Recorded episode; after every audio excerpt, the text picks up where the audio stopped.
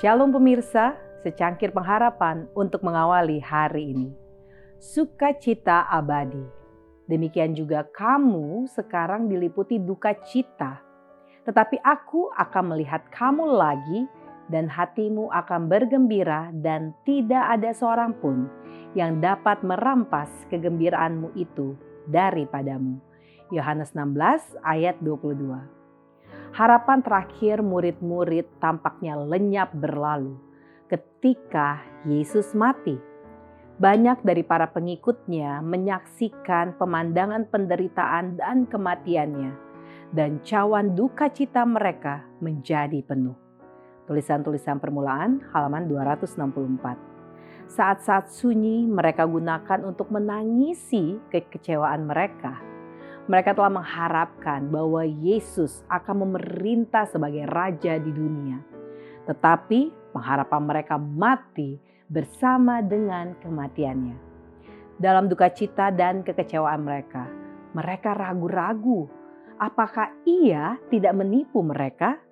Bahkan ibunya pun goyah imannya terhadap dia sebagai sang Mesias. Tulisan-tulisan permulaan halaman 266.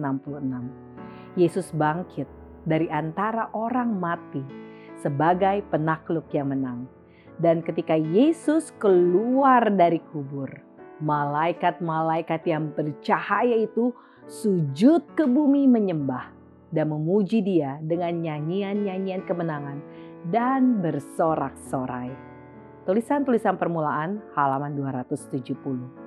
Yesus tinggal bersama dengan murid-muridnya 40 hari lamanya. Ia memberikan kepada para murid sukacita dan kegembiraan dalam hati mereka ketika dia membuka kepada mereka dengan lebih jelas lagi akan kerajaan Allah itu. Tulisan-tulisan permulaan halaman 277.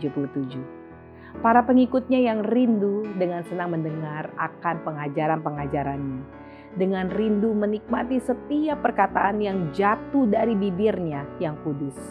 Kini mereka mengetahui dengan pasti bahwa ia adalah juru selamat dunia. Tetapi sekali lagi hati mereka dihangatkan dengan kasih dan kesukaan yang berlebih-lebih. Ketika Yesus mengatakan pada mereka bahwa ia akan pergi dan menyediakan tempat bagi mereka, supaya mereka dapat tinggal dengan dia senantiasa. Tulisan-tulisan permulaan halaman 277 dan 278. Demikianlah renungan kita hari ini. Selalu mulai harimu dengan secangkir pengharapan.